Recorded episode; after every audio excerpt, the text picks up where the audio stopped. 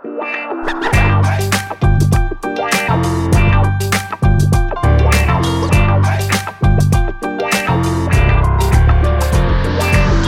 welkom bij een nieuwe aflevering van een podcast over voeding. In deze podcastserie gaan we in op de wetenschap achter voeding en laten we wetenschappers aan het woord over allerlei thema's die met voeding te maken hebben. Bart Mol van I'm Foodie, zoals altijd, is er ook weer bij. Hoi Bart. Hey Arnoud, ja, helemaal fris en fruitig op deze maandagmiddag. Topdag voor een mooie show. Een topdag voor een mooie show, dat mag je wel zeggen. Want eh, Bart, eh, vandaag hebben we iemand te gast die je volgens mij al heel lang te gast wilde hebben. Uh, dat klopt toch? Ja, zeker. Ik ben al een tijdje bezig geweest met... Uh, mag ik de naam al zeggen?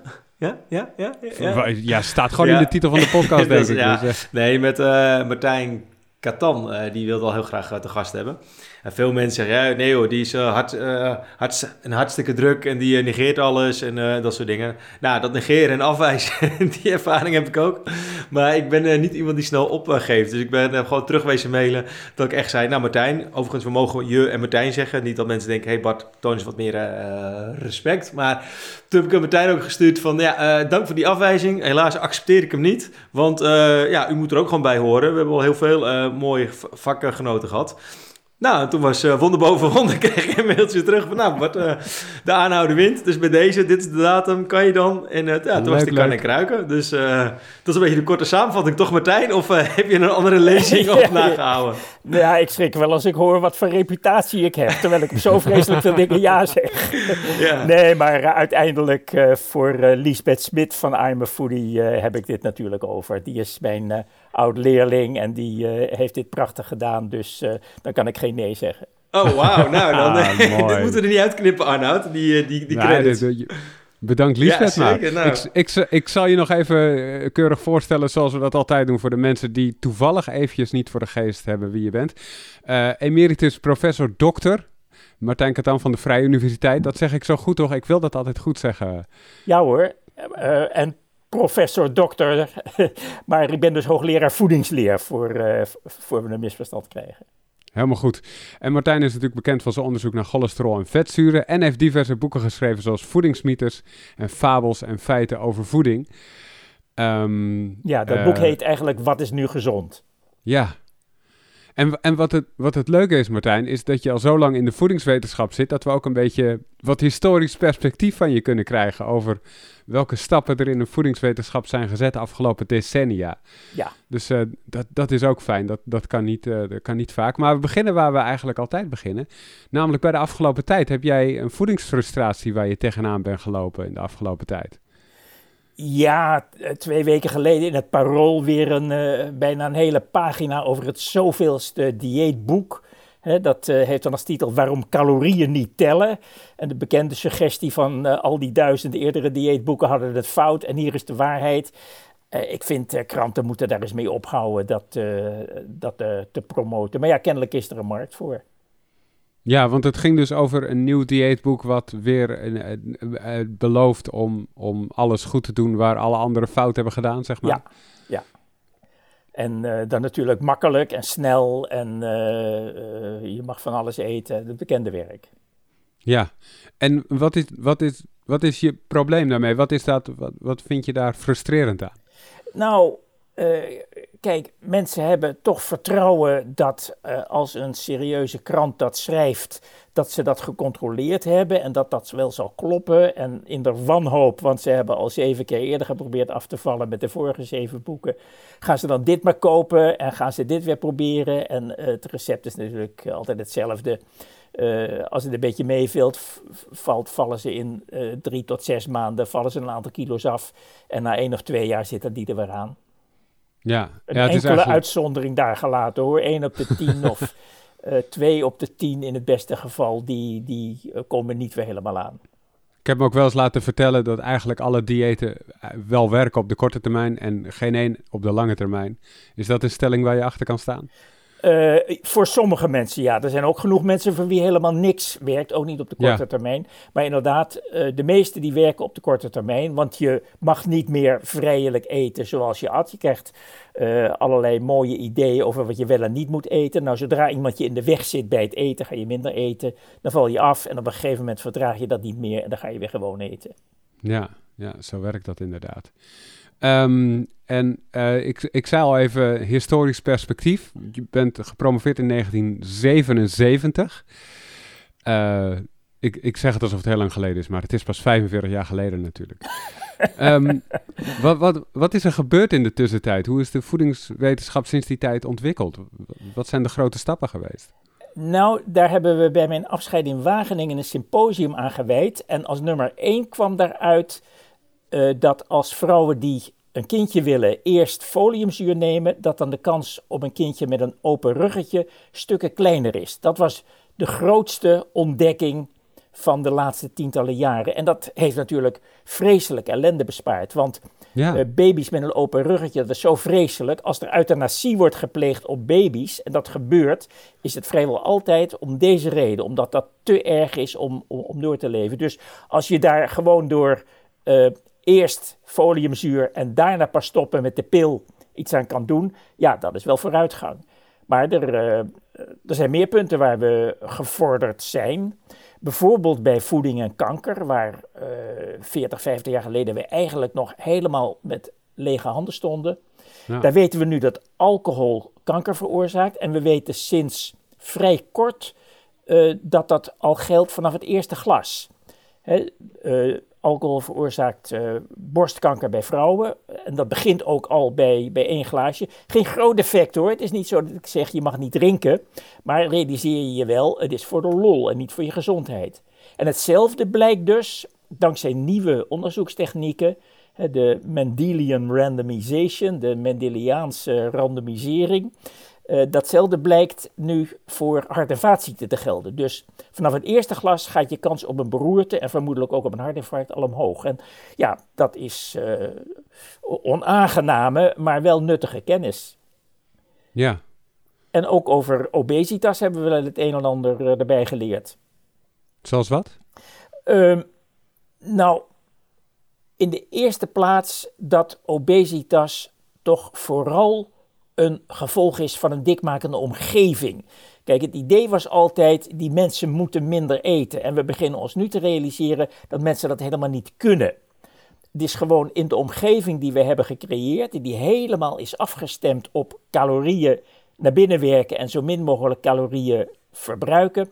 Daar is het voor heel veel mensen gewoon totaal ondoenlijk om daar weerstand aan te bieden. Dus als we daar iets aan willen veranderen, dan zullen we dat aanbod moeten veranderen en ook uh, autorijden lastiger moeten maken en fietsen uh, gemakkelijker. Daar gebeurt nog niet veel aan, maar het begint nu wel een beetje in te dalen. En als je. En, ja, ja, ja, ik, ik, ik, was wel even benieuwd. Als je kijkt naar uh, ja, die, de, de, jaren dat jij bent gepromoveerd en dat je actief was in de voedingswetenschap uh, met onderzoek en dergelijke, en waar we nu staan. Uh, hebben we daar echt hele grote exponentiële stappen gezet? Of vind je eigenlijk wel dat het voedingsweb ja, heel traag is ontwikkeld, toch al door, tot de jaren heen? wetenschap gaat altijd traag. Dat verhaal over. als, als iemand over doorbraken praat, dan weet je van uh, zet die maar uit, stap maar naar, naar, een ander. Want doorbraken in de wetenschap die bestaan eigenlijk nauwelijks. Ze worden achteraf zo gekenmerkt, hè, vooral door, uh, ja, door de media of door mensen die uh, populaire boeken schrijven. Maar wetenschap gaat moeizaam, moeizaam, moeizaam, vier stappen vooruit, drie stappen terug. En als je dan na 20, 30, 50, 100 jaar terugkijkt, dan zeg je, we zijn toch wel een end gevorderd. Uh, ook in het gebied waar ik mij vooral mee heb bezig gehouden, dat is voeding en hart- en vaatziekten, uh, zijn we zeker wel een stuk gevorderd. We weten nu zeker dat uh, gewoon zout, dus natrium, dat dat de bloeddruk verhoogt en daarmee de kans op beroertes. We weten dat kalium, dus dat is verwant aan natrium, maar toch een andere stof, dat dat de bloeddruk verlaagt. Dat is ook de reden dat bijvoorbeeld groente en fruit en magere melk dat die je bloeddruk verlagen. Um, dat vetzucht de bloeddruk verhoogde, dat vermoeden we al, maar dat is nu al wel heel duidelijk. En aan de cholesterolkant, daar heb ik zelf iets aan mogen bijdragen, want je moet ook een beetje geluk hebben, behalve hard werken. Maar we hebben dus de transvetzuren ontdekt, die het uh, slechte cholesterol verhogen. En dat heeft grote gevolgen gehad. Die zijn eigenlijk volledig uit de voeding verwijderd. Tenminste uit de, zeg maar, door uh, voedselfabrikanten gemaakte uh, voeding. Want in zuivel en in vlees zitten ze nog steeds, maar dat zijn kleine beetjes. En wat ik zelf het leukste onderzoek vind, wat ik eigenlijk uh, gedaan heb, dat was over de cholesterolverhogende factor uit koffiebonen. Dat was een prachtige speurtocht. Ik ben van huis uit ben ik scheikundige, dus ik ben ook gepromoveerd in de biochemie. Dus ik werk graag met stofjes en het vinden van het stofje in die koffiebonen dat dat veroorzaakte, dat was een prachtig avontuur. En ook uh, heeft dat tot gevolg gehad dat mensen een minder hoog cholesterol hebben, want dat zit bijvoorbeeld niet in Senseo koffie en niet of nauwelijks in Nespresso. En uh, de landen waar ze koffie maakten op een manier waarmee je dat stofje in je kop kreeg, uh, dat was vooral Finland en Noorwegen en Zweden. Die doen dat nu anders. Dus ja, dat heeft wel een flink aantal hartinfarcten bespaard. Dus dat is heel bevredigend. En, en is zo'n doorbraak in zo'n onderzoek uh, destijds, is dat dan, dan nu terug te herleiden dat zo'n voedingscentrum nu zegt, uh, ja, binnen een gezond voedingspatroon drink twee of drie koppen koffie of het is de vijf. Heeft dat daar ook een relatie mee te maken dan, dat het zo'n uiting heeft? Uh, nou, ik denk dat ze met name thee aanbevelen, uh, maar ook wel wat koffie, niet te gek veel. Uh, dat is vooral omdat ze daarmee bedoelen: drink geen suikerhoudende dranken, drink geen sappen en drink geen frisdranken, want daar word je dik van. En ook dat is uh, een inzicht wat nu begint door te dringen en waar wij gelukkig met een groot experiment toch het nodige aan hebben bijgedragen dat die suikerhoudende dranken, uh, die glijden makkelijk en snel naar binnen en die voel je niet. Dus je kunt honderden calorieën aan uh, vruchtensap of aan frisdrank naar binnen gieten, terwijl uh, je er niks van merkt en daarna bij het avondeten precies evenveel eet. En dat is het verschil met honderden calorieën als een boterham. Als je die hebt gegeten, ja, dan heb je s'avonds minder trek en dan compenseert dat. Maar uh, vloeibare calorieën, dat compenseer je niet. En uh, dat is nu heel duidelijk. En vandaar dat het voedingscentrum zegt: drink nou dingen zonder calorieën. Dus zeggen ze daarbij zonder suiker erin. Ja, precies. En als je zo lang in de voedingswetenschap zit, dan hoor je vast ook vaak de opmerking die zelfs ik in mijn omgeving wel eens hoor: van de voedingswetenschap zegt in het ene jaar X is gezond en in het andere jaar Y is gezond. waarom veranderen ze hun mening? Is dat iets wat je veel bent gekomen in jouw carrière? Bedoel je dit soort opmerkingen? Ja. Ja, van, van journalisten zeker. Um, de oorzaak daarvan is dat wij onze resultaten in de verkeerde taal publiceren. Kijk, de wetenschap die publiceerde tot zeg maar 400 jaar geleden zijn resultaten in het Latijn. En daardoor konden alleen wetenschappers dat lezen. Als we dat waren blijven doen, dan konden we na die 20, 30 jaar die het duurt voordat je ergens achter bent, konden we het vertalen voor, uh, hè, voor de gebruiker en zeggen: Dit weten we nu. Maar helaas, we publiceren in het Engels. De kranten en de tv en de sociale media moeten iedere keer weer vol. Dus iedere keer als een wetenschapper iets vindt, dan komt dat in de krant. Terwijl wij als wetenschappers weten dat het meestal niet klopt. Maar dat is niet erg. We gooien het uh, in de wetenschappelijke literatuur, want we weten niet wat uiteindelijk uh, de openbaring zal zijn. En uh, we zijn er dus heel coulant in, want ach, er hoeven tegenwoordig zelfs geen bomen meer voor worden omgehakt. maar helaas, het, het lekt uit. Ja. Doordat we het niet in het Latijn publiceren. En wat is dan, ja, dit is een zijstapje, maar wat is dan de rol van universiteiten daarin? Want die roeptoeteren dat natuurlijk ook allemaal. Uh, zodat het in de krant komt. En dan komen er weer financiers op af die het volgende onderzoek financieren. Is dat de cirkel waar we in zitten? Ja, universiteiten zijn gedwongen in hetzelfde uh dwangbuis waar onze hele maatschappij in is gedwongen, namelijk van marktwerking, privatisering, uh, geld binnenhalen. En daarom moeten ze dus persberichten uitsturen waarin gekakeld wordt over grote ontdekkingen, want anders trekken ze geen studenten en uh, geen subsidies aan. Waardoor dus als uh, gevolg mensen ook universiteiten niet meer vertrouwen. En daar hebben ze groot gelijk in, want uh, hoogleraren die willen dit niet. Hoogleraren die willen gewoon de waarheid spreken. Maar ze worden door dus het politieke klimaat gedwongen om samen te werken met bedrijven, gedwongen om drukte te maken over, oh nou heb ik iets geweldigs ontdekt, uh, terwijl dat voor niemand goed is. Is dat, als we even toespitsen op voedingswetenschap, is dat het probleem van de hedendaagse voedingswetenschap? Zou je het zo kunnen zeggen? Of zijn, of zijn er meer nee, problemen? Als ik, nee, want uiteindelijk overleeft de waarheid toch wel. Als je 10, 15, 20 jaar later kijkt, is al dat gekakel weer vergeten. En dan blijkt toch dat de dingen die we met z'n allen echt weten en waar we het over eens zijn, dat die wel doordringen tot de mensen. Um, wat denk ik wel een probleem is, dat is dat in de voedingswetenschap we een verandering van methode hebben gezien.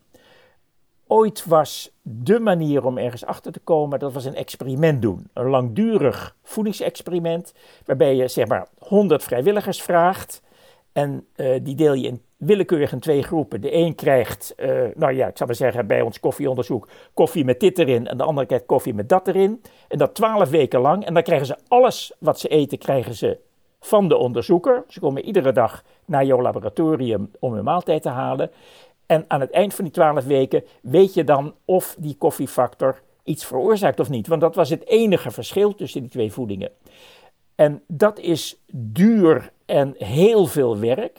En dat is verdrongen door wat wij noemen de epidemiologie. Ja, zeg eens drie keer epidemiologie. Epidemiologie, epidemiologie, epidemiologie. Ja, je hebt dit vaker gezegd. maar um, daarbij uh, verzamel je dus uh, 5000, 10.000, 100.000 mensen. Dat is een hoop werk, maar via internet is dat iets makkelijker. Die laat je invullen uh, alles wat ze eten en hoe vaak ze wandelen. En uh, hoe vaak ze op de hoofd krabben en wat voor shampoo ze gebruiken en wat voor geneesmiddelen ze gebruiken en waar ze wonen. En nou, ga maar door honderden, duizenden gegevens. En dan hou je bij in de volgende 10, 20 jaar wat voor ziekten ze krijgen. En dan ga je zoeken naar verbanden. En dan vind je natuurlijk altijd verbanden. Maar het probleem is dat de mensen die A doen, die doen ook altijd B, C, D en E.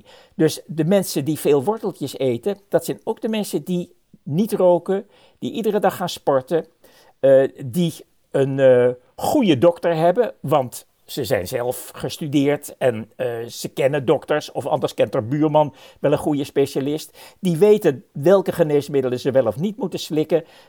die zijn slank. enfin, die doen een hele rits van dingen die dus de uh, verliezers in de maatschappij, want zo mag je het wel zeggen, de mensen die dik worden, roken en vroeg ziek worden, uh, die de verliezers in de maatschappij niet doen.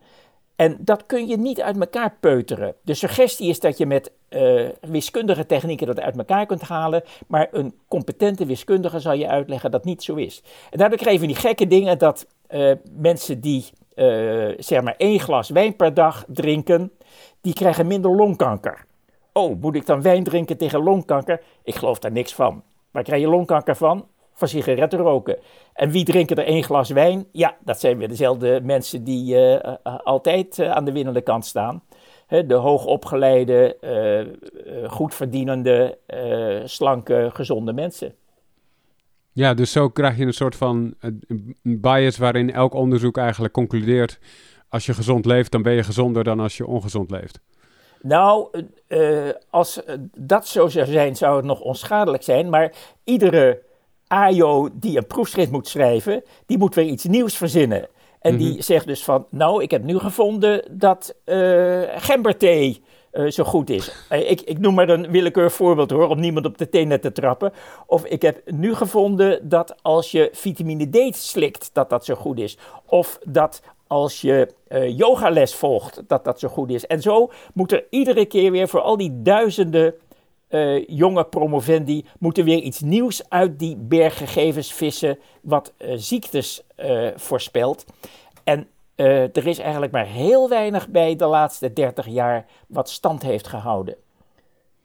Dus jij zegt eigenlijk, ga maar terug naar de situatie waarin je experimenten doet. Geef die mensen dezelfde voeding, alleen in de ene groep geen gemberthee en in de andere wel gemberthee. En kijk dan na 12 weken wat het verschil is? Ja, maar dat kost tegenwoordig heel veel geld. deels ook omdat het sterk gebureaucratiseerd is en je aan allerlei regeltjes moet voldoen. Het kost heel veel tijd je bent toch al gauw 60, 70 uur per week daarmee bezig gedurende die 12 eh, weken. En dan is het natuurlijk wel verleidelijk om eh, lekker thuis achter je pc te gaan zitten en uh, wat correlaties uit te rekenen en daar een stuk over te schrijven. En dat is, vind ik wel, een zorgelijke ontwikkeling. Maar dat betekent... Het is niet zo dat er uit die epidemiologie nooit iets zinnigs komt hoor, absoluut niet. Maar met name bij ziektes waar we al veel van weten, zoals hart- en vaatziekten of longkanker, daar zie je dat dat allemaal clustert. En dat je dat niet goed uit elkaar kunt trekken. Oké, en stel, hè, we gaan weer even eh, weer terug de tijd in. Jij bent nu eh, weer een 30-jarige onderzoeker. Wat zou dan nu jouw aandachtsgebied zijn binnen de voedingswetenschap? Dat zou zijn wat uh, genoemd wordt ultrabewerkt voedsel we hebben al heel veel uh, fraaie hypotheses gehad over wat maakt nou dik. Die zijn allemaal afgeschoten. Het is niet eiwit, het is niet uh, vet, het is niet koolhydraten. Enfin, dat is het allemaal niet. Maar het wordt nu steeds duidelijker dat de dingen uit de supermarkt die uh, heel lekker zijn, heel gezond, handig verpakt, met heel veel ingrediënten, dat die je dik maken. Het probleem is alleen hoe kun je aanwijzen welk van die producten is het wel en welk is het niet? Er is dus een Braziliaanse groep die hebben een lijstje gemaakt van wat is ultra bewerkt. Maar dat is gewoon van wat zij vonden. Of ze riepen even uh, naar achteren naar de man die in de keuken staat te koken van... Uh, Pedro uh, is volgens jou brood ultra bewerkt. En als Pedro dan terugriep van ja hoor, dat is hartstikke bewerkt, dan kwam dat ook op de lijst. Ja, zo ging het niet echt, maar soms lijkt het wel zo. Maar er staan dus allerlei dingen op waarvan geen enkel bewijs is dat ze dik maken. En er is eigenlijk maar één groep ter wereld die dit echt goed systematisch uitzoekt. Dat is een Amerikaanse groep bij de National Institutes of Health van uh, Kevin Hall. En die zijn dus systematisch aan het uitpluizen welke factoren veroorzaken dat. En daar moeten we veel meer van hebben, zodat we op een gegeven moment een algoritme hebben. Waarin je gewoon tikt van ja, weet ik veel, wat weegt het, wat voor kleur heeft het? Als je het 100 mensen laat kauwen, hoe lang doen ze dan over om het fijn te kauwen? Uh, hoe snel kun je het slikken? Uh, hoe warm worden met... Ik weet het niet. Maar er zijn dus allerlei dingen die je zou kunnen meten aan die voedingsmiddelen. En vervolgens kijken, hoe dik maken ze? Of hoeveel eten mensen ervan? Dat is ook al genoeg. Als je ziet dat mensen er meer van eten, dan weet je dat ze er dik, dik van worden als ze meer calorieën binnenkrijgen. En op die manier zou je dus een algoritme kunnen maken waarin het ende getal uit rond, rolt tussen 1 en 100 van hoe dikmakend iets is. Dan moet vervolgens moet je een regering kiezen die daar iets mee doet, die namelijk verplicht om het op de verpakking te zetten en die belasting heft op dikmakendheid. Oké, maar dan heb ik bijvoorbeeld een Snickers als uh, voorbeeld. Hè? Dit is een, een non-spon, die heeft dan een, uh, een score 80. Dus waarbij 80 betekent, ja, dat is dikmakend. Maar ja. Um, ja, hoe moet ik dat dan in verhouding zien? Want ik heb een ander product, uh, een lolly is 20. Moet ik dan heel veel lollies gaan eten omdat dat dus dan niet dikmakend is? Of bedoel je dat? Nou, hoe je dit gaat communiceren en hoe je dingen gaat vergelijken... Uh, daar zijn mensen die daar uh, beter in zijn dan ik. Maar je moet het eerst weten. En als je het eenmaal weet en je zet op alles met een score van zeg maar uh, eh, 75 of meer, zet je een groot rood stoplicht. Nou, dat, dat helpt al. En als je de prijs verhoogt, dan heeft dat een groot effect. ik bedoel, wij hebben jaren zitten uh, roepen van, oh het klimaat en oh we moeten minder gas stoken en zo, heeft allemaal niks geholpen. Maar toen ineens de prijs verdrievoudigd werd, oh wat kunnen wij zuinig zijn zeg. Ik bedoel, ik ben niks beter. We hebben de thermostaat nu op 16 staan en ik heb een lekker dik warm vest aan, dat kun je zien. en ik heb een lekkere wollen maillot aan, die kun je niet zien. Maar uh, dan uh, gaat dat best. Dat is deels natuurlijk de sport van bewijzen van oh, wij zijn hartstikke stoer en uh, wij kunnen daartegen, want wij zijn opgegroeid met bevroren ruiten waar je op moest blazen om de sneeuw buiten te zien. Maar het werkt wel. Prijs is een heel machtig instrument om gedrag te sturen. En je zou dus ultra bewerkt voedsel willen gaan onderzoeken als je nu aan het begin van, van je carrière stond? Ja, Ik, zou, ik zou experimenten gaan doen met mensen waarin ik zeg van wat hebben we nou voor verklaringen? Wat maakt nu iets uh, dikmakend? Ik denk dat ik bij de smaak terechtkom. Dat betekent dus dat ik medewerking moet krijgen van fabrikanten om dingen te maken met allerlei verschillende smaakjes.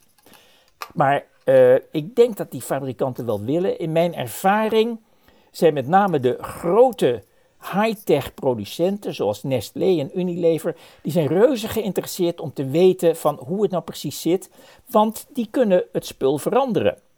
dat is heel anders dan zeg een, eh, een, een, een eierenverkoper. Die heeft er niks aan om te weten van wat in dat ei nou het cholesterol verhoogt, want ik kan er niks aan veranderen. Die wil alleen maar een professor die zegt dat het eigenlijk best gezond is. Maar als je met die high-tech fabrikanten te maken hebt, die willen wel. En die willen vooral de eerste zijn die het, uh, die het weet. En die willen zeker zijn of het waar is. Dus als jij iets ontdekt, gaan ze snel nog even naar iemand in Australië of in Amerika die uh, goed is in zijn vak. En ze zeggen, controleer jij dit ook eens? En als ze dat dan zeker weten, gaan ze er iets mee doen. Dat heb ik een paar keer meegemaakt. Maar dat is toch... wacht, wacht Martijn. Um, als je naar een, naar een Nestlé of Unilever stapt en, en je zegt... oh, ik wil onderzoeken hoe dikmakend jullie producten zijn. En ze zeggen, oké, dat is goed. En vervolgens kom je terug met... ja, dit en dit product, dat is echt veel te lekker. Eten mensen veel te veel van en daarom is het dikmakend. Dan gaan ze toch zorgen dat het nog extra lekker wordt... in plaats van dat ze zorgen dat het minder dikmakend wordt? Uh, ik denk dat ze mee willen rijden op de golf van gezondheidsbewustzijn en zeggen van als wij duidelijk kunnen communiceren dat dit product gezonder is dan het product van de concurrent, omdat het minder dikmakend is, dan zien wij daar uh, handel in, want dan mag ik het ook duurder maken. En uh, daarvoor heb je dus alweer een overheid nodig die heel duidelijk maakt wat zijn de gezonde en wat zijn de ongezonde producten. Nou. Dus zonder een actieve overheid, zonder betutteling is, uh, is het een verloren zaak. Wat we nodig hebben is meer betutteling. Maar dan, uh, dan kunnen we veel gezonder worden. Maar ik, Sorry, ik, geloof, ik, ik, heb hier een beetje moeite mee, dat merk je wel. Als jij naar een fabrikant stapt en zegt: We hebben twee koekjes onderzocht die bijna gelijk zijn, maar van de ene eten mensen er gemiddeld 10 en van de andere eten de mensen er gemiddeld 15 op een dag. Dan zegt de fabrikant toch: Ah ja, dan maak ik wel die voor 15, dankjewel, want dan verkoop ik veel meer koekjes. Als hij een koekje kan verkopen waar de mensen overtuigd zijn dat het een stuk minder dikmakend, dikmakend is, dan mag dat koekje twee keer zoveel kosten. En dan gaat hij het natuurlijk ook verpakken en eruit laten zien als iets heel bijzonders en uh, reuze gezond en stiekem toch hartstikke lekker. Uh, laat dat maar aan die jongens over. Die weten wel hoe je geld moet verdienen. Ja, maar dat was toch ook een aantal jaar geleden, was dat toch juist ook heel erg in het nieuws, dat er uh, de leidproducten toen opeens heel erg werden gehyped, omdat er dan toch ook bepaalde regels waren veranderd. Dat er van het ene ingrediënt was weer 30% minder zat erin ten opzichte van het originele product, waardoor het weer light mocht worden. Uh, oftewel, het, uh, het gehalte van uh, vet werd bijvoorbeeld lager in het light variant, maar aan de andere kant kwam er weer suiker bij. En per saldo mochten ze daardoor nog wel het label light noemen. Zo dan had je op een gegeven moment light chips, die vergeleken met het originele normale chips eigenlijk niet per definitie gezonder was. Uh, nee, maar zelfs als er minder calorieën in hadden gezeten, zijn ze nog niet bewezen gezonder, omdat we nog niet weten wat maakt nu dat mensen heel veel of heel weinig van die chips eten. Dus dat hele light was niet gebaseerd op solide wetenschap. Dat was gebaseerd op iets van, uh, oh ja, als er minder calorieën in zitten. Ja, calorieën per wat? Per 100 gram, per zak, per hap, per, per, per watte. Dus uh, omdat dat niet gefundeerd was, uh, is dat gekomen en weer gegaan. En konden fabrikanten er ook mee knoeien. Want ja, die konden zeggen: Ja, ja uh, wat is jouw definitie van light? Oké, die zal ik volgen. En dan kan ik, ga ik eens kijken of ik over de randjes heen kan. Ja. Daarom moet je dus uh, moet je gewoon heel duidelijk hebben: hier heb ik het product. Oké, draai het maar door je computer, door je algoritme heen. Nu weet ik hoe dikmakend het is. En daar zijn we nog een eind vandaan. Maar je, je hebt toch ook iets van een nationale alliantie voor productverbetering? Dat ze toch bezig zijn met uh, suiker, vet en uh, zout. Dat, dat, dat, dat, dat is ook een overleg met de verschillende fondsen en de industrie. om ervoor te zorgen dat die producten eigenlijk in de basis al gezonder kunnen. Maar dat, ja, naar mijn idee, zijn er nog geen baanbrekende uh, successen in. Nee, maar dat was ook nooit de bedoeling. Dat convenant dat was bedoeld om van dat gezeur over voeding af te zijn. En toen werd er een gentleman's agreement of gentlewomen's agreement of gentle people agreement gesloten met de industrie. Dat ze het er best zouden doen om minder zout in het eten te stoppen en minder verzadigd vet in de kaas. Maar het was echt niet zo dat ze na vijf jaar uh, de CEO in het gevangen stopte als hij dat niet deed. Nee, dat was uh, allemaal goede bedoelingen. En van tevoren wist iedereen uh, dat er niks van terecht zou komen. Dat het alleen maar voor het schellentje was. Dat is waarom ik zeg, je moet een regering kiezen die bereid is om in te grijpen. Die bereid is om verplichtingen te scheppen. En die al die industrieën, als er gepraat moet worden, van de tafel afschopt. En we zijn nu zover dat de sigarettenindustrie niet meepraat over uh, het reguleren van sigaretten. Maar we hebben nog wel steeds dat als het over fossiele brandstoffen gaat, dan mag Shell meepraten. En als het over dikmakend voedsel gaat, dan mogen de dikmakende voedselproducenten, die mogen de dienst uitmaken. Ja, tuurlijk werkt dat niet. Geef ze ongelijk, ik neem ze niks kwalijk. Ik bedoel, het is een harde wereld. Ze moeten de spullen verkopen, anders dan gaan ze failliet. Dan staan die mensen op straat. Uh, heel begrijpelijk. Nou, ik, ik, hoor je nu al een paar keer over, over uh, politiek praten, dus kennelijk wil je daarheen.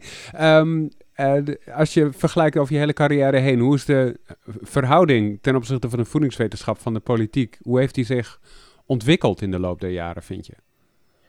Uh, de politiek, dus onze bestuurders, hebben steeds meer de voedingswetenschap losgelaten en uh, geminimaliseerd.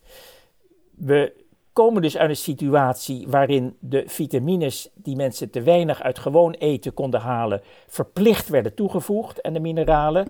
Nou, dat is steeds meer op vrijwillige basis gebeurd. Gelukkig voegen de meeste bakkers nog steeds jodium toe aan het zout, maar veel biologische bakkers niet, waardoor dus kinderen die alleen maar biologisch brood krijgen misschien wel een jodiumtekort krijgen. Uh, vitamine D toevoegen aan margarine gebeurt gelukkig nog steeds, omdat de margarineboeren dat als verkoopargument kunnen gebruiken. Maar het hele idee dat de overheid een verantwoordelijkheid heeft voor zijn burgers om te zorgen dat ze geen dingen tekort komen en dat ze geen dingen te veel krijgen, dat is steeds meer afgeschaft. Dus wat dat betreft is de wereld er niet beter op geworden. Oké, want als ik je uh, collega en vakgenoot Jaap Seidel erover hoor, en die spreken we in deze podcast elke week, dus dat is nog alles. Um, die zegt dat hij juist steeds meer, ja, misschien spreekt hij over een minder lange periode, maar de afgelopen tijd toch wel wat optimistischer is geworden over de politiek. Dat hij het idee heeft dat er meer geluisterd wordt en er komt een gezonde schoollunch en weet ik van wat, dat soort dingen allemaal. Deel je die, dat optimisme van hem of ben je echt pessimistisch nog? Ja, de, de, uh, de stemming is aan het veranderen. Uh, de hele stemming over zeg maar, wat dan neoliberalisme heet, is aan het veranderen. En ook de stemming over voeding is aan het veranderen.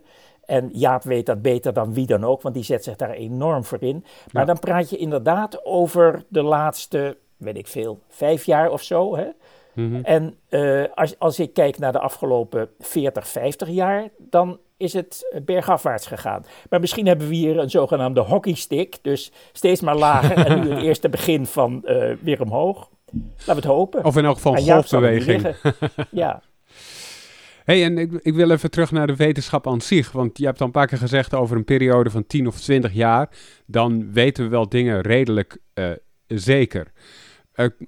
Kun je ons eens meenemen in het proces hoe dat dan gaat? Want het is dus geen doorbraak, zeg je, maar uh, ik neem dan aan veel meer soorten onderzoek. Hoe komen we achter dingen, zoals je noemde al een belangrijk ding over foliumzuur bij zwangerschap. Hoe, hoe, hoe gaat zo'n proces? Welk onderzoek is er dan nodig allemaal? Nou, het begint vaak met één persoon, hè, soms een dokter, bijvoorbeeld in het geval van foliumzuur, waren dat dokters, die denkt van, hé, hey, wat gebeurt hier? Dat waren artsen, ik meen zelfs Nederlandse artsen, die uh, zo uh, aan het eind van de oorlog dachten van, hé, hey, die open ruggetjes, kan dat iets te maken hebben met hoeveel groente en fruit die vrouwen hebben gegeten aan het begin van de zwangerschap? Nou, uh, de reactie is dan altijd van, ach, wat een onzin. En dan komt er een onderzoek wat het misschien wel of niet vindt. En dan komt er nog een onderzoek wat het misschien meer wel dan niet vindt. En uiteindelijk komt er ergens iemand die zegt: Nou moet het onderzocht worden. Ik ga die miljoen euro of uh, eh, 5 miljoen euro die dat moet kosten, die ga ik bij elkaar schrappen. Ik loop alle ministeries af en het gaat nu gebeuren. En dat onderzoek is dus in de jaren 90 in Engeland gebeurd. En toen werd het gewoon onmiskenbaar. Er was ook al een Hongaars onderzoek, die had het ook gevonden. En dan zeg je van, ja, nu weten we het. Het is dus een trap die je op moet klimmen, stapje voor stapje. Hetzelfde gold voor de transvetzuren, waar ik zelf dus uh, uh, veel uh, mee heb gewerkt. Toen wij dat voor het eerst publiceerden, toen was een grote van de voedingswereld, die had iets van, ja, dat kan niet waar zijn. Dat, dat, zal wel niet zo zijn. Toen zijn anderen het gaan nadoen. En de een vond het wel, de ander niet. En op een gegeven moment waren er zoveel wetenschappers die het ook vonden dat het onmiskenbaar werd. Het werd ook op andere manieren werd er een verband tussen transvetzuren en hartinfarcten gevonden. En dan, ja, dan na zo'n 5, 10, 15, 20 jaar, dan wordt het uh, standaard kennis, standaard wetenschap. En ik moet uh, ten uh, faveur van Unilever zeggen dat die eigenlijk al binnen vijf jaar, hoogstens nadat ze het, het wisten, hebben besloten om alle transvetzuren uit hun producten te halen. Natuurlijk verlicht eigenbelang, maar het was ook in hun belang om uh, hier niet meer om de oren geslagen te worden. Maar wel verlicht eigenbelang. Maar is het zo dat ze dan wel uh, drijven op de kennis van de wetenschap? Of uh, ik neem aan dat ze zelf ook heel veel voedingswetenschappers en diëtisten in dienst hebben. Dat ze daar zelf proactief ook, ook mee bezig zijn? niet meer. In, zeg maar, toen ik begon in de voeding, toen was Vlaardingen, waar Unilever Research zat, nou daar keek je enorm tegenop. Hè. We zeiden schertsend de Universiteit van Vlaardingen, maar daar zaten echt grote wetenschappers. Uh, er is discussie over geweest waarom hebben zij niet meegedeeld in de Nobelprijs voor prostaglandines. Maar die grote uh, Nederlandse bedrijven hebben hun uh, research grotendeels afgebroken. Dat geldt voor Unilever, dat geldt voor Shell, dat geldt voor Philips. Er zijn nieuwe bedrijven gekomen, zoals ASML, maar het Unilever van nu is qua research niet te vergelijken met 50 jaar geleden. En dat onderzoek naar transvetzuren hebben wij gedaan met steun van Unilever, want die verzorgde voor ons de producten die we nodig hadden om te bewijzen dat het aan die transvetzuren lag. En zij wisten dus ook als eerste wat eruit kwam. En um, ja, volgens mij noemen ze het toch ook uh, publiek-private samenwerking. Maar hoe, hoe behoud je dan uh, wel je onafhankelijkheid zonder dat je toch ergens bewust of onbewust wordt ja, gemanipuleerd of toch wel, ja, toch, dat je gewoon eigenlijk gewoon wel je eigen onafhankelijkheid houdt als wetenschapper, zeker in dat kader, waar een heel groot commercieel bedrijf echt wel zijn voordelen heeft of zijn nadelen ondervindt van de uitkomsten van een, ja, uh, een onderzoek. Ja, uh, nou twee dingen zoals de oude Den Uyl zijn. Uh, ik had het voordeel dat ik uh, van veel verschillende kanten geld kon aantrekken. Hè, van de Hartstichting, van de Europese Unie, uh, van, van diverse bronnen. Dus ik kon tegen iedere commerciële geldschieter zeggen van als het zo moet, dan doe ik het niet. Bijvoorbeeld, ik heb wel eens de eierindustrie gevraagd om een subsidie. En die zei, ja, maar dan willen we wel dat dat, dan uitkomt. En dan zei ik van, nou, nee, het spijt me, dan moet u een ander verzoeken. Uh, en in, uh, ik heb ook altijd heel duidelijke contracten gemaakt. Je moet echt een jurist wezen en je moet verdacht zijn op uh, dat je je handen vrij houdt. Dus er stond altijd in, als er over publicatie discussie is, dan beslist de hoofdonderzoeker in casu de heer Catan. En ik had in die tijd ook een, een counterpart bij Unilever, Dr. Onno Korver, die heel duidelijk op de wetenschap voer. Die zei: Ja, wij weten eigenlijk niet wat die transvetzuren doen. Dat moeten wij weten. Dus uh, jij moet dat onderzoek uh, maar doen zoals jij dat uh, nu komt vragen. Ik ging dus bij ze langs en zei: Ik wil dit onderzoek doen, willen jullie helpen? En hij zei: van Ja, ik heb het besproken, dat willen wij. En datzelfde gold natuurlijk voor Nestlé en zijn koffie. Die wou weten wat was die factor ja. uh, in de koffie. Die wou eraf, dus we hadden een gemeenschappelijk belang. Maar je moet er erg mee uitkijken. En dan kom ik aan 2.2 van de uil. Het is wel zo, als je met die mensen optrekt... Hè, en je gaat samen koffie drinken en uh, je gaat een keertje uit eten... en je hoort over de kinderen... dan word je daardoor wel geneigd om geen hele lelijke dingen meer over ze te zeggen. En toen ik dus eenmaal helemaal met geen enkele industrie meer iets te maken had, toen ben ik wel hardere dingen gaan zeggen. Dus het beïnvloedt je wel. Anderzijds, die mensen die helemaal nergens verbindingen mee hebben, dat zijn ook een beetje wat de Amerikanen noemen loose cannons. Die schreven soms de grootst mogelijke onzin en zeggen dan, oh, ik ben zo onafhankelijk. Dus het is nooit ideaal, maar als je erg afhankelijk bent van één bedrijf, met name als dat bedrijf een bepaalde boodschap van jou wil horen, zoals de mhm. zuivel dat altijd wil horen, hè, die willen altijd horen dat melk goed is, want ja, ze moeten nu eenmaal van die melk af, dan, uh, dan ben je kwetsbaar. En dan zie je mensen dus ook afdrijven. Maar hoe kijk je er nu op uh, terug? Had je dingen anders gedaan dan, met de kennis van nu en ervaring? Nee, ik denk dat uh, het feit dat ik geen hele lelijke dingen uh, zei iedere dag over Unilever of Nestlé of wie dan ook, dat dat uh, niet heel belangrijk is geweest. Dat het belangrijkste was om vast te stellen hoe het zat. Daar had ik ze voor nodig en dat heeft zijn gevolgen gehad en daar heeft de gezondheid van mensen van kunnen profiteren. Dus ik heb daar geen spijt van, maar het heeft wel heel lang geduurd voordat ik mij realiseerde hoe dat psychologisch werkte. Vandaar dat ik, als ik nu dus met de industrie praat, en dat doe ik onmiddellijk, hè, als ik een telefoontje krijg van, uh, kun jij ons nou eens uitleggen hoe het met dit en dit zit? Want we snappen het niet. Dan denk ik, ja, jij bent degene die er eten van moet maken en dat aan de man moet brengen. Jij moet weten hoe het zit. En dan gaan we samen koffie drinken. En dan, uh, ja, dan wil zo iemand de koffie afrekenen. En dan zeg ik, nee, we hebben afgesproken, ik betaal mijn eigen koffie. Ja, nee, dat kost 3 euro. Dan zeg ik, nee, ik betaal mijn eigen koffie. Want ik heb intussen ook de antropologische en de sociaal-psychologische literatuur gelezen. Dat zelfs een kopje koffie al een gevoel van verplichting geeft. Dat je iets terug moet doen. Ja, want... met, name, met name voedsel geeft een gevoel van verplichting. Ja, maar is het zo dat ik, ik, ik snap je toelichting en je redenering en ook ja, uh, de afweging, et cetera, en, en de keuze als onderzoeker. Maar hoe, hoe, zie je dan toch ook als mens, als je dan wel een bepaald product ziet, die, uh, noem een Unilever of een Nestlé, die ze aan de man brengen.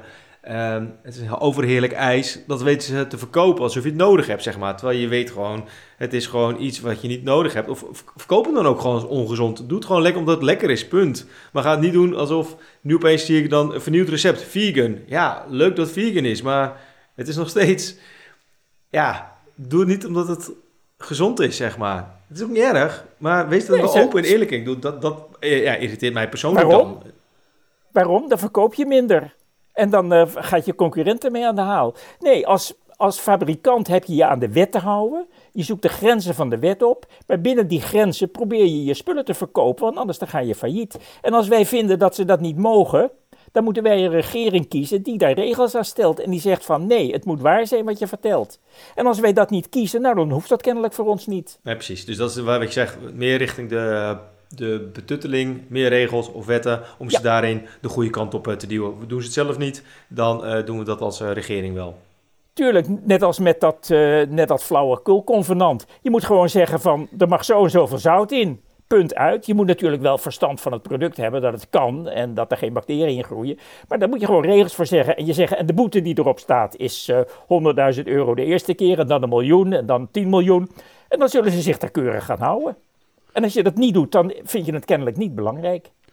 Maar toch even een gemeen vraagje, Martijn, maar ik stel hem toch maar. Je, je, je had het eerder over de dikmakende omgeving. En als je in de supermarkt kijkt, dan zijn toch juist de Unilevers en de Nestle's die zorgen voor die dikmakende omgeving daar. Is dat dan iets, krijg je dan niet in retrospect heel veel problemen met die bedrijven eigenlijk en de samenwerking die je daarmee had? Nee, uh, zij, zij doen gewoon wat een bedrijf doet. Hè? Shell die verkoopt brandstoffen die in CO2 worden omgezet. Uh, de, de, meeste dingen waar wij ons geld aan uitgeven zijn of overbodig of schadelijk. Uh, dat is kennelijk wat wij willen. En als we dat niet willen, dan is het onze verantwoordelijkheid om het, te, om het te doen stoppen en niet de verantwoordelijkheid van de producent. Je mag blij zijn dat ze zich aan de wet houden, dat het allemaal uh, gevaarloos is, dat het goedkoop is, dat het altijd wordt aangeboden. Dat is hun rol en hun rol is niet om ons gezond te maken, want dan gaan ze failliet. Ja, oké. ja. En een andere vraag dan, wat is vetzucht? Uh, vetzucht is ophoping van vet in je lijf met name uh, in de buik. Uh, op de billen, dat uh, vinden mensen ook niet prettig, maar dat heeft op de gezondheid geen grote impact. Maar vet in de buik, dat verhoogt je kans op een heel scala aan ziekten, vooral als het heel veel is. Oké, en lijden we daaraan? nou, jullie niet volgens mij. maar het was afhankelijk van de definitie die je ervoor neemt, wij als maatschappij. de helft van de Nederlanders eraan. Ja, maar als maatschappij leiden we daaraan? Het is denk ik het voornaamste voedingsprobleem van uh, onze tijd. En niet alleen in rijke landen, maar ook steeds meer, zelfs in, uh, in Afrika en uh, zeker in China. En wat zouden we daaraan kunnen of moeten doen? Een omgeving die minder uitnodigt tot te veel eten en te weinig verbranden. Dus uitzoeken van wat is nou precies dikmakend dat duurder maken en moeilijker te verkrijgen, net als we met de sigaretten hebben gedaan. En uh, wat leidt ertoe dat je calorieën verbruikt? Nou, dat is lopen en fietsen. Dat betekent dus uh, van iedere snelweg één baan afhalen voor fietsen. De ene helft voor de, voor de hardfietsers, de elektrische, en de andere voor de gewone trappers. Ik zie er ook wel een beetje bij lachen, alsof je weet van, ik zeg dit wel, maar heel haalbaar is het niet. Hoe haalbaar, Nog niet. Hoe haalbaar is het? Uh, hoe haalbaar was 50 jaar geleden dat uh, sigaretten overal zouden worden verboden? Nou, kom nou toch. Hè? Als je, voor je gasten staat er gewoon altijd een doos met sigaretten op tafel. En als wij een schoolavondje hadden, klasseavond van het gymnasium, ja, dan zette je sigaretten in wijnglazen, zodat uh, dat was leuk en fijn en uh, onvoorstelbaar nou. dingen kunnen wel veranderen. Ja. ja, dat lijkt me ook wel een beetje de conclusie hier. Zo van, op de korte termijn verandert er, lijkt er misschien niet veel te veranderen, maar als je 45, 50 jaar eh, kijkt over die periode, dan is er toch een hoop wat er, uh, wat er verandert, of niet? Ja, en uh, soms gaat het ook wel sneller. Wat dat betreft denk ik dat Jaap Seidel gelijk heeft, dat er toch iets aan het gebeuren is. Maar het zal nog lang duren voordat, voordat we van het vetzuchtprobleem in deze omvang af zijn. Ja, lijkt... Natuurlijk een oerdrift, hè? Eten en niet bewegen.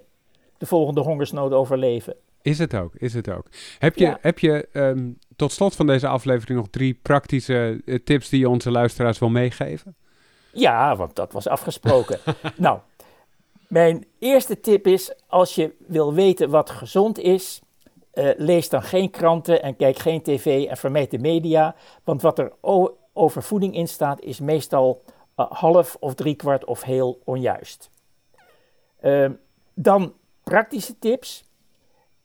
Ehm, als je weer een potje met zout gaat kopen in de supermarkt, koop dan mineraalzout met kalium. Want dat is goed voor je bloeddruk, terwijl zout je bloeddruk verhoogt. Het is geen geweldig effect, maar het is een heel makkelijk klein dingetje wat je kan doen. Waardoor je zonder schuldgevoel weer zout over de aardappels kan strooien. en het derde is, uh, als je iets voor het klimaat wil doen, en ik denk dat iedereen uh, onder de 70 zich toch wel realiseert dat dat ook voor hemzelf en niet alleen voor zijn kinderen of kleinkinderen van belang is. Eet dan minder vlees. Dat is hem. En wat je verder allemaal te horen krijgt over voeding en klimaat is allemaal uh, dubieus, controversieel, onduidelijk, kleine effecten. Vlees eten is de grote nummer één en daarna komt er niks meer. Dus als je in staat bent om minder vlees te eten, gewoon uh, de helft van het stuk wat je anders had, dan doe je iets voor het klimaat en dan mag je tevreden over jezelf zijn. maar is dat uh, ook al dat je van zeven dagen naar uh, vijf dagen per week vlees eet? Is dat ook al voldoende? Of zeg je van nee, als je zeven dagen doet, dan moet je echt richting die drie dagen als doel hebben? Ik vind van zeven dagen naar vijf dagen vind ik al heel lovenswaardig. En misschien kun je daarna wel van uh, vijf dagen 100 gram naar vijf dagen 80 gram. En, enzovoort, enzovoort, enzovoort. Maar als iemand daar iets aan wil doen, dan ben ik er heel blij mee. En dan hoeft het niet meteen naar helemaal niks, want vlees is gewoon lekker. Ik eet ook nog vlees, maar uh, ja, tegenwoordig wel heel weinig per week. en misschien rookt hij ook vroeger, dus misschien over 50 jaar is vlees eten juist weer heel... Uh heel uh, aan regels gebonden. Dat zou best kunnen, ja. ja. Als we dat halen, die 50 jaar. hey, en wie uh, zou Bart als volgende gast moeten vragen voor deze podcast? Ja, ik, ik had op een gegeven moment een heel lijstje. Oh. Ik heb bovenaan staan professor Saskia van Rut van uh, even kijken. Ja, Saskia van Rut uit Wageningen. Die is gespecialiseerd als hoogleraar in voedselvervalsing. Dus is iets nou olijfolie of zit er iets anders in? En uh, zijn die bananen zijn die nou biologisch of zijn ze niet biologisch? Dan hebben ze alleen de prijs van biologisch. En zij vindt dus methoden uit om in het laboratorium zo'n banaan in een machine te schuiven. die komt dan ergens uit Midden-Amerika. En dan kan zij zeggen: nee, die is niet biologisch. en natuurlijk paardenvlees en rundvlees of uh, dure melk. Ik weet niet, geitenmelk is geloof ik duurder en dan gooi je daar stiekem koeienmelk in. Dat zijn dingen waar zij uh, echt heel goed in is. Dus ik denk dat dat uh, weer eens een heel interessant geluid is. Nu al zin in die aflevering, Bart? Ja, zeker. Ja, dat denk ik ook. nou ja, het is wel grappig inderdaad, want we hebben ook een keer shows opgenomen met Rob van, van Berkel. Dat ging ook over het checken van ja, of de claims wel kloppen die, die producenten maken et cetera. Of dat je zelf natuurlijk ook wel eens een, uh, weet ik veel, een product koopt met uh, 100% uh, appelsap. En dan ga je achteraf kijken en zie je van, uh, ja, het is 99% water en inderdaad 1% appels. Dat soort grappige dingen. Oké, ja, ik heb... Nee, maar, maar Saskia Verrut gaat echt over vervalsingen, ja, hè? Ja. ja. Dus dat, het, dat er helemaal geen appel aan te pas is gekomen, maar alleen wat smaakstofjes. Ja. Mm Ik, ik heb Saskia genoteerd en heb je, noem die andere negen namen, vind ik ook leuk hoor, Martijn. Ja, nou, uh, jullie hebben volgens mij Luc van Loon uit Maastricht nog niet gehad. Die is heel goed in uh, eiwitten en spieren. Dus moet je nou meer eiwit eten om uh, je spieren groter te maken? Hoeveel helpt dat? dus sporten en voeding. daar doet hij mooie experimenten over. Is denk ik een interessant iemand. Ja, de volgende ik denk niet dat hij daar tijd voor heeft, maar eh, je kan het altijd proberen. Professor Hans van Goudoever, die is hoofd van de kindergeneeskunde, zowel bij de VU als bij het AMC. Eh, die weet natuurlijk alles van uh, voeding voor kinderen, is ook een onderwerp wat hem speciaal interesseert. Maar zo iemand heeft er natuurlijk waanzinnig druk. Um, datzelfde geldt voor professor Frank Lobbezo van ACTA, dat is het uh, tandencentrum van de VU. En die kan heel interessant vertellen over kauwen en knarsen en kaken. Hoe dat, hoe dat hier allemaal werkt. En dat mhm. heeft hij uitgebreid tot uh, een heel specialisme. Wat denk ik heel bijzonder en heel interessant is. Ja, en als vijfde op mijn lijstje, niet dat ik haar minder acht, maar uh, ja, ik kwam er niet zo snel op. Dat is collega Liesbeth van Rossum uit Rotterdam die heel veel weet van vetzucht en die zich daar ook daar heel erg voor inzet om mm te zorgen dat de politiek daar ook iets tegen doet. Dus dan hebben jullie voorlopig weer wat te doen. Dankjewel voor deze mooie tips. Uh, Bart heeft ze allemaal opgeschreven, kan ik bevestigen. En um, ja, ik, ik, hoop dat het er snel van komt, Bart. Want dit, dit klinkt als mooie onderwerpen. Zeker. En ik denk als ik ze een mail stuur en zeg... ja, je bent genoemd door uh, Martijn... dat is dan als een blad op een boom omslaan. Dan denk ik, ja, dan moeten we in de show komen als Martijn ja, maken we tijd voor. Ja, ja, Be beetje optimisme is nooit, uh, is nooit... Ja, en er zijn natuurlijk hopen... Uh, hele goede voedingsonderzoekers. Maar ik dacht, daar hebben jullie er al veel van gehad. Dus ik zoek het dus in het meer exotische. Ja, leuk. Waarvoor dank. Hey Bart, heb je tot slot van deze aflevering nog dingen vanuit I'm Foodie die je even wil noemen? Vriend van de show.nl slash pof. Op deze manier kunnen we alleen met donateurs van de vrienden van de show... kunnen we deze mooie podcastshows uh, blijven maken. Ja. En zeker met het uh, mooie lijstje van uh, Martijn. Dan hebben we heel veel, heel veel mooie shows in het verschiet. En elke woensdagochtend natuurlijk Broodje Jaap. Dus op die manier ja. blijven we gewoon leuke shows maken. Yes. Heel goed. En dan wil ik... En, ik... en ik ben blij dat jullie het met donateurs doen. Ja, wij ook, wij ook. Ja, ja en, is geheel uh, onafhankelijk. Want even daar en op uh, inhaken. Want wij hebben dus wel van de, de, verschillende voedingsproducenten... die hebben ons wel al benaderd van... joh, we willen best een pre-roll, zoals dat heet, een advertentie... Of een host thread. Dat betekent dat uh, Arnoud en ik gaan het hebben over producten. En dat zijn dan hele lekkere uh, producten. En daarvan zeggen altijd standaard van ja, nee, doen we niet, punt. We zijn onafhankelijk. We laten ons niet in met advertenties uh, die in ieder geval voedingsgerelateerd zijn. Als jij fietsen verkoopt, dan willen we het daar best over hebben. Maar niet zozeer voor de, next product die inderdaad helpt bij, het, bij een gezonde levensstijl, zeg maar. Wat het heel vaak toch net niet is. Maar nee. Dus, Alle respect. Nou ja, daardoor is het wel eerlijk gezegd soms wel lastig om die show wel in de, in de lucht te houden. Daardoor dat we het eigenlijk ja. altijd wel noemen. Van ja, word, ja. word donateur of koop een van onze boeken in de webshop. Want veel mensen weten niet, als ze een vier bol kopen, ja, uh, daar gaat gewoon 50, 60 procent korting gaat daar vanaf. Dus dat zien we geen eens. Dus dat, dat is hoe het systeem werkt, maar dat weten mensen heel veel niet. En ook die verzendkosten, ja, gratis bij Bol, dat bestaat niet. Dat betalen wij gewoon. Maar ja, probeer ja. dat met mensen te doen. Dus wij zeggen, ga naar onze eh, webshop, koop daar onze boeken. Daar hebben wij gewoon net even iets meer marge, dat we die mooie titels kunnen blijven maken. Nou, punt. Heel goed. Mooi betoog. Ik wil tot slot nog even zeggen, vind je deze podcast leuk? Geef ons sterretjes in je favoriete podcast app of laat een recensie achter. Uh, want hopelijk bereiken we dan meer luisteraars. En meer luisteraars is natuurlijk meer beter. Uh, dankjewel Martijn voor uh, deze geweldige show. Nou, ik ben blij dat ik het toch gedaan heb. nou, dat vind ik ook uh, een, leuk om te horen. Niet dat je nu denkt van, nou, dit is weer een uur van mijn leven weg. Had je wel op een recht geweest, maar... Uh... ja, dat was toch weg geweest. dus dat is, uh, dat is geen argument. Dankjewel, ja. Bart. Ja, zeker. Ik ben ook leuk. Dankjewel. Tot de volgende show, Arnoud. Yes, dankjewel voor het luisteren en tot de volgende keer. Later.